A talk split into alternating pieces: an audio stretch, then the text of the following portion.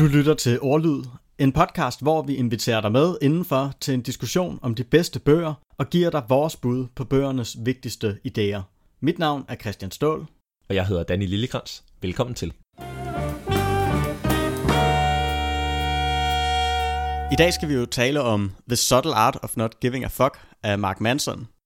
Det var dig, Danny, der valgte, at vi skulle tale om den her bog. Hvad fik dig til at vælge den? Ja, jeg har faktisk glædet mig rigtig meget til det, fordi jeg ved ikke, hvornår det var, men for måske et eller to år siden fik jeg anbefalet en eller anden artikel på hans hjemmeside, og øh, Mark Manson, han skriver de her blogindlæg.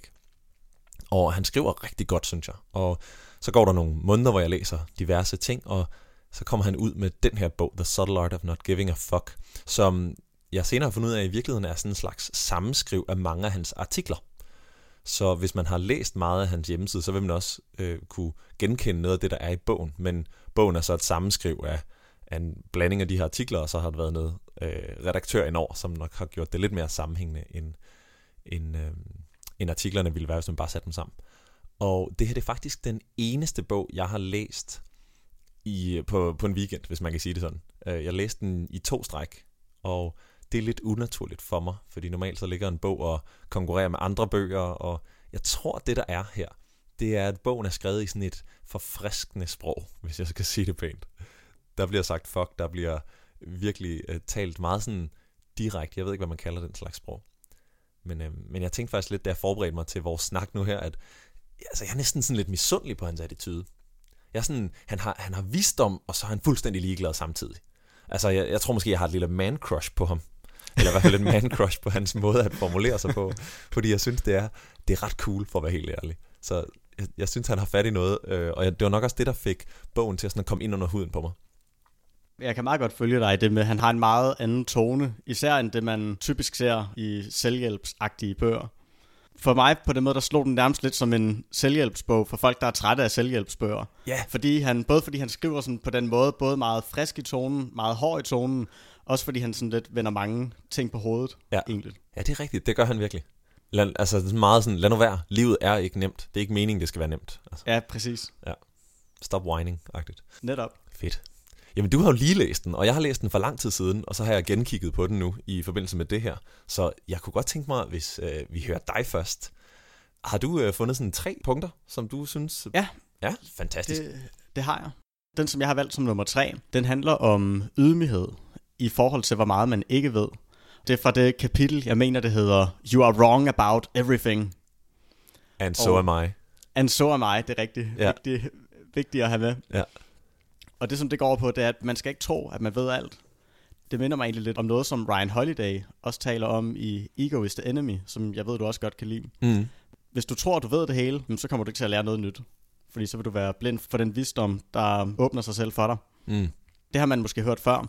Men jeg synes, han har en ret fed vinkel på det, som er, at hvis vi kigger tilbage 500 år, så vil vi ryste på hovedet og pege fingre af en masse ting, som der foregik dengang. Hvor, hvor dårligt mange mennesker blev behandlet, ved hekseafbrændinger, hvor meget krig der var, og så videre. Mm. Og på samme måde så foreslår han, at hvis man forestiller sig, at folk om 500 år sidder og kigger på år 2018, ja. så vil der sikkert også være en hel masse ting, hvor vi tager fejl i dag, eller vi, hvor vi gør noget, der er moralsk forkert, eller hvor vi er dumme på en eller anden måde. Ja. Og jeg synes hurtigt, man kan komme til at... Den måde, man tænker på, kan blive påvirket rigtig meget af menneskerne omkring en, og af de normer, der er. Ved at tænke på den her måde, så kommer man lidt ud over det, og kigger mm. på det fra en ny vinkel. Ja. Er det ikke også i det uh, afsnit, hvor han skriver, If you think about a young child trying to walk, that child will fall down and hurt itself a hundred of times. But at no point does that child ever stop and think, oh, I guess walking is just not for me. I'm not good at it. Er det, ikke, er det ikke også i forbindelse med det? Sådan lidt efter i hvert fald. Det, ja. det, jeg husker bare netop den episode der, øhm, eller det afsnit der med You're Wrong. Jeg, jeg er enig med dig. Det, der gjorde, det hæftede sig ved mig, det var hans provokation. Det var det, der gjorde det emne nyt. Mm. Ja, ja. ja. Nå. Hvordan øh, tror du, det påvirker dig sådan helt personligt i din hverdag? Altså, du har jo ikke øh, haft det så længe ind under huden, det, det her, den bog her, men... Altså, jeg, jeg, jeg tænker sådan lidt, at øh, en ting det er selvfølgelig det mere sådan overordnede niveau, hvordan vi opfører os som samfund. Men sådan på det mere personlige plan, der tænker jeg, at det kunne være sådan nogle ting som, hvor meget man er styret af sit ego, mm. hvor meget man går op i, hvordan man fremstår over for andre mennesker, hvor ja. meget man hvor meget jeg, jeg selv kommer til at sammenligne mig selv, og tænke, åh, åh nej, er ham her eller hende her, som jeg kender, nu blevet mere succesfuld end mig, eller, eller hvordan det kunne være. Ja. Og de der småligheder, der kunne jeg forestille mig, at man vil være, det, det vil jeg håbe for menneskeheden, at man, uh, man er kommet lidt længere Ja. om, om 500 år. Ja, det giver god mening. Mit øh, punkt nummer tre, eller min, øh, min nummer tre på listen her, den minder lidt om, og jeg tror også, de ligger tæt på hinanden i bogen. Og det er den, hvor han skriver, You're not special. Mm. Og øh, det, har jeg, det har faktisk påvirket mig rigtig meget. Jeg kan huske et foredrag, jeg holdt for en lille måneds tid siden. Der starter jeg faktisk foredraget med at sige noget af den stil, at, at jeg er ikke speciel. Altså, I kunne lige så godt holde det her foredrag næsten. Jeg er klar over, at jeg har noget mere erfaring. Jeg har nogle, øh, nogle vinkler, nogle perspektiver, som jeg har, fordi jeg har arbejdet rigtig meget med emnet. Men i virkeligheden er jeg ikke særlig speciel. Det var der en, der blev lidt provokeret af at komme op og sagde bagefter, vil du ikke stryge det der næste gang? Fordi jeg havde næsten ikke lyst til at lytte til dig, når nu du sagde, at du ikke var øh, speciel. Så jeg tror måske også, okay. jeg gjorde det i virkeligheden. Øh, jeg gjorde det for meget. Det var forkert, det jeg gjorde, fordi selvfølgelig, øh, når man har en eller anden faglig baggrund, så, så har man noget at byde ind med. Men det, i, det har i virkeligheden fået mig til at rigtig ofte huske på, at hvis jeg skal lykkes med et eller andet, så er det knofedt, der kommer til at gøre det for mig. Fordi jeg er ikke en skid speciel. Jeg er ikke, altså jeg skal ikke være med i uh, uh, Britain's Got Talent eller uh, Copenhagen's Got Talent, fordi jeg har ikke noget talent, som er sådan særligt i forhold til alle mulige andre. Jeg har trænet mm-hmm. nogle forskellige ting i mit liv, men jeg er ikke noget unikum til et eller andet. Så hvis jeg skal have succes her i livet, så skal jeg finde knofedt frem. Den tror jeg har påvirket mig en del i forhold til sådan en selverkendelse af, at der er sgu ikke noget, der kommer til mig. Det slår mig lige, at der er en ret stærk connection imellem den her bog og så mindset, som mm. vi talte om sidst. Ja. Ikke? Hvor, hvor det, det, du udtrykker der, det er sådan set et growth mindset. At det handler om den indsats, man lægger, og ikke Ja. om de, det, det talent, Jamen, det man har i, i forvejen. Og det er måske også der, hvor den er så god for mig, øh, den her pointe med, you're not special, fordi jeg har i virkeligheden et ret fixed mindset. Så jeg bliver nødt til at minde mig selv om, der er ikke noget, der kommer gratis, Danny. Du bliver nødt til at knokle. Og så er det også, nu, nu talte vi lidt om bogens tone i starten, men det er en meget anden måde at få dig at vide på, end Ja, ja, det er hvis du sådan får dig at vide videnskabeligt, og der er fixed mindset og growth mindset, mm. Og Ja. hvor han er lidt mere sådan, hold din kæft og lad være med at tro, du er så speciel. Ja, ja det er det. ja. Hvad er din nummer to? Det er et spørgsmål, som han foreslår, at man stiller sig selv, Mm. som er, hvilket problem vil du helst have? Mm. Fordi tit så kommer man til at tale om, hvad man gerne vil have. Og hvis man skal tale om, hvad man gerne vil have, så vil man typisk gerne have det hele, eller have alt det, der er godt, og alt det, der er nemt og succesfuldt. Og man vil gerne være populær og rig og have en fed livsstil. Og, og alle de her ting, det vil de fleste mennesker nok gerne have. Men hvis alle gerne vil have det hele, så er der ikke rigtig så meget mening i det. Det er der ikke så meget klarhed i. Han kommer med, med et eksempel med, at da han var ung, der ville han gerne være rockstjerne. Mm. Og han drømte om at, at stå på scenen foran alle sine fans, og hvor fedt det ville være, og han lavede visualisering og målsætning og så videre. Men så gik det op for ham, at det var sådan set kun desserten, han var interesseret i. Selve processen Ja. kunne han ikke særlig godt lide. Det med at bruge al sin fritid på at øve for at blive dygtig, og det med at bruge sine øh, weekender på at spille lousy spillejobs for at få erfaring og slæbe forstærkere frem og tilbage og så videre. Ja. Men det var ikke særlig interessant. Hvor den person, der vil egne sig bedre til så at blive musiker, det er jo en, der vi synes, at alle de kedelige ting også er interessant. Mm. Ikke kun en, der synes, at den succes, det kan give, eller den status, det kan give, Ja. er interessant. Så det med at bruge, hvad for et problem vil man gerne have? Mm. Eller kan man finde en beskæftigelse, hvor de ting, som andre vil se som problemet, det vil være noget, som du enten vil se som en bonus, eller bare noget, som du ikke vil se som et særligt stort problem, fordi Ja. det ligger ret godt til dig. Mm. Det synes jeg egentlig er en ret skarp måde at tænke på. Ja. Ja, jeg er fuldstændig enig. Jeg noterede den også som en af de ting, jeg øh, synes var interessante, eller sådan særligt interessante. Det var, det var også det spørgsmål der. Synes virkelig, det var godt. Min nummer to, det er kommer lidt senere fra bogen, hvor han øh, beskriver sit do something principle. Som kort fortalt, helt, helt kort, så handler det om, normalt så tror man, jeg skal være motiveret, eller jeg skal inspireres for at, jeg skal inspireres for at få motivationen. Når jeg har fået motivationen, så kan jeg handle. Og han siger, lad os vente den om, fordi når du gør et eller andet, så vil det inspirere dig, og det vil skabe noget motivation for dig. Og det er faktisk noget af det, jeg har prøvet at gøre en gang imellem, det er at finde ud af, hvad er det, jeg kan gøre, som tager mig bare et mikroskridt videre. Og det eneste, der er vigtigt for mig at huske, når jeg finder motivationen frem til det mikroskridt, det er, at når jeg har taget skridtet, så vil jeg have en inspiration eller en motivation, som jeg ikke havde før. Så det eneste, jeg skal finde motivation til, det er det mikroskridt, og så have tillid til, at der kommer noget bagefter. Fedt. Hvad er nogle øh, situationer, hvor du har gjort de ting så? Og øh, jeg mener, altså, jeg har jo øh, droppet mit job, ikke? og så har jeg startet min egen virksomhed. Og der sidder jeg nogle gange og ikke ved, hvad, har jeg lyst, hvor skal jeg hen, hvad er meningen med det, og så videre. Og der prøver jeg nogle gange at sige, det vigtigste er bare, at jeg lige får forberedt øh, den næste artikel, jeg godt vil lægge på LinkedIn. Og, og ikke engang sådan skrive artiklen, men mere øh, skriv et eller andet blogindlæg, eller skriv en eller anden post. Fordi når jeg så begynder at skrive posten, så begynder det at udfolde sig. Og så tænker jeg, det er spændende. Så begynder jeg at læse om det og studere det. Og lige pludselig, så har jeg fået rigtig meget til emnet. Men hvis jeg sad og ledte efter den motivation inden, så ville den ikke være der. Så det, det synes jeg er et godt eksempel. Øhm, også måske i forhold til, hvor kan jeg komme ud med min virksomhed. Så sidder jeg nogle gange og tænker, Fuha, kan jeg nu kontakte, og hvad nu hvis de ikke er interesseret i at, at hyre mig ind, og så videre. Og så den eneste lille handling, jeg måske skal gøre, det er at kontakte nogle mennesker. Fordi i deres svar vil jeg nogle gange mærke en motivation. Enten sådan en, når I havde ikke lyst, jeg skal fandme vise, jeg skal jeg. Eller I havde lyst, okay fedt, lad os gøre det her, lad os lave en forskel. Stærk. Min nummer et, Ja, yeah. det er faktisk også den her uh, do something principle. jeg kunne se det på dig. Og, jeg, ja, fantastisk. og, og, jeg, og jeg- og jeg synes også, det er en rigtig stærk idé. Jeg hæftede mig med det eksempel, som han fortalte om hans matematiklærer, fra da han gik i skole, at hvis man sidder og arbejder på et problem, og ikke ved, hvad man skal gøre, Mm. jamen så i stedet for at tænke over, hvad man skal gøre, så skal man bare prøve at gøre et eller andet. Mm. Og så kan det være, at man gør det rigtigt, eller det kan være, at man gør det forkert, men så kan man altid bare gå tilbage igen og gøre det forfra. Okay. Og for sådan en som mig, der samtidig tænker lidt for meget over tingene, der er det der mindset med, at man bare gør et eller andet, og så får du næste svar, efter du har taget en handling. Det er en god måde mm. At tænke på det på. Ja. Nå, sejt. Altså som, samtidig så for eksempel, hvis jeg skal skrive en artikel, der synes jeg, det gælder, gælder i rigtig høj grad, fordi der ved jeg ikke altid præcis, hvad der skal være i Mm. artiklen, når jeg begynder at skrive. Det er ikke sådan, at jeg har tænkt alle tankerne med det samme, og så bare skal have dem ned på papir. Det med at skrive det, det er lige så meget en måde at finde ud af, hvad er det egentlig, jeg synes om det her emne, eller Ja. hvad er egentlig mine tanker om det her emne. Der synes jeg også, det her do something principle, det virker rigtig godt, fordi i stedet for at tro, man skal have hele svaret på forhånd, så hvis man skriver noget, så er der måske nogle gode ting i det, og der er nogle problemer med det. Men hvis så man kan se, hvad er det så for nogle problemer, der er med det, så har man sådan set allerede fået svaret på, hvordan man skal forbedre det. Mm. Og så kan man hele tiden arbejde videre i små skridt, i stedet for at tro, man skal, man skal tænke det hele perfekt fra starten. Ja.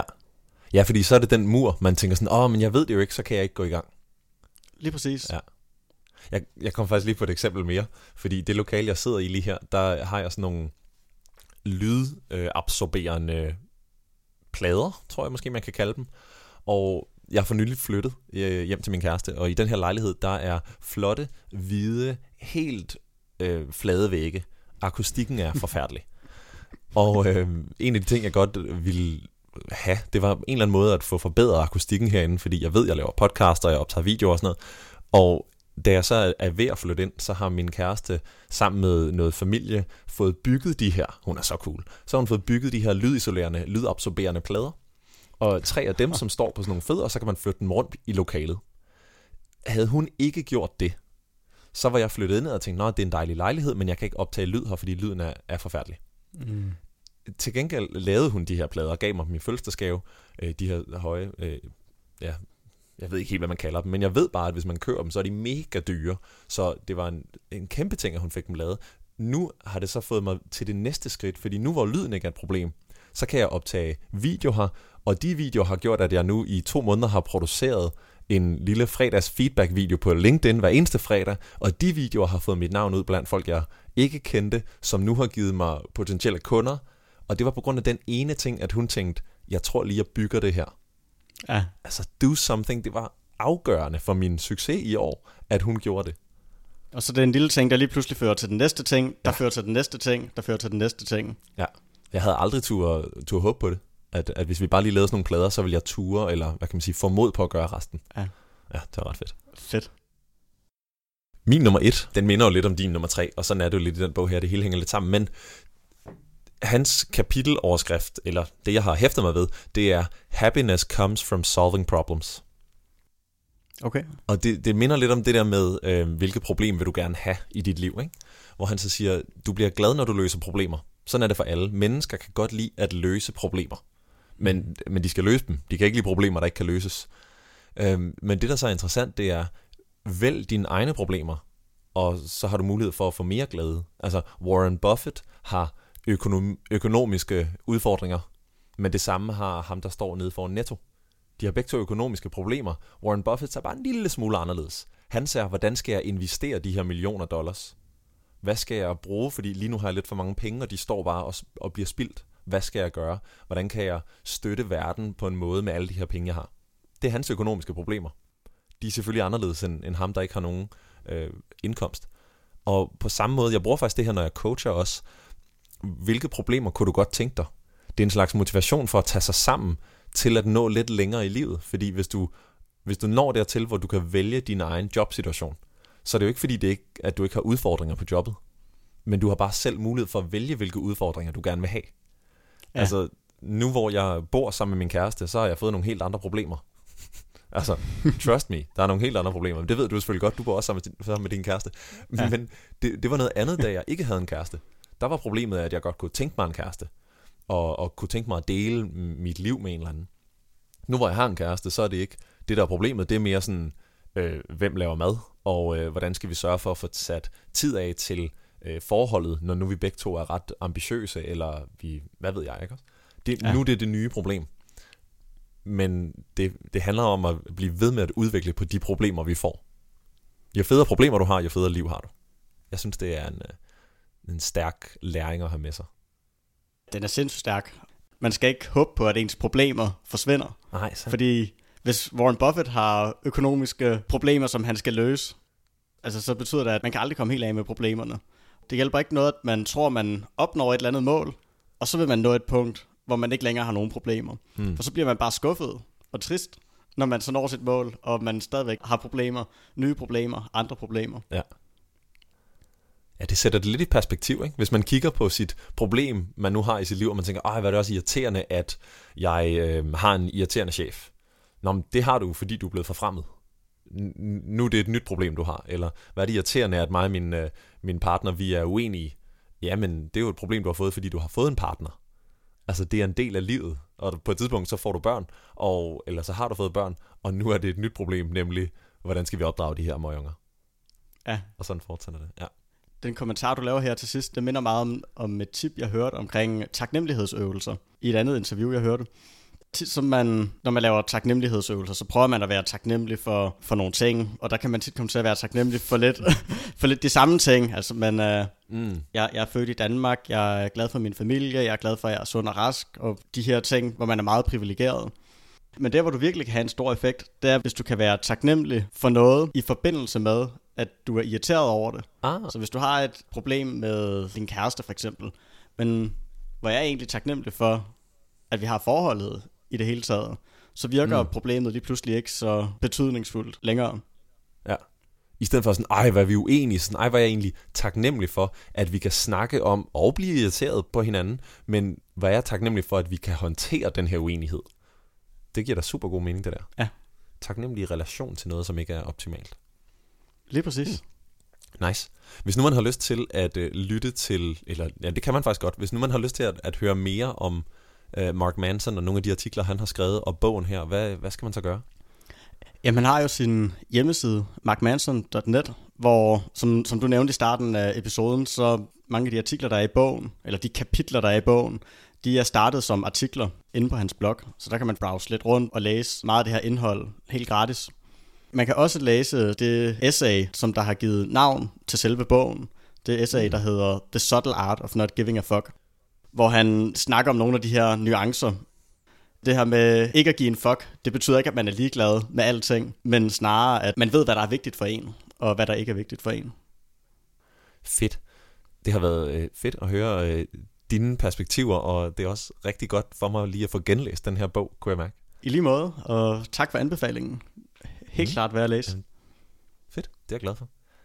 Jeg glæder mig til vores næste bog, og jeg glæder mig til at finde ud af, hvad det skal være for en. Men øh, den kan vi tage på et andet tidspunkt. Det kan vi i hvert fald. Tak for nu. Ja, vi snakkes ved. Hej. Det var alt for den her episode. Tak fordi du lyttede med til Ordlyd. Hvis du har kommentarer eller har nogle boganbefalinger, du gerne vil dele med os, så giv endelig lyd på sociale medier eller kontakt os gennem vores hjemmesider. Du finder Christian på christianstål.com og mig på liljekrans.com. Musikken er leveret af podcastthemes.com. På gensyn.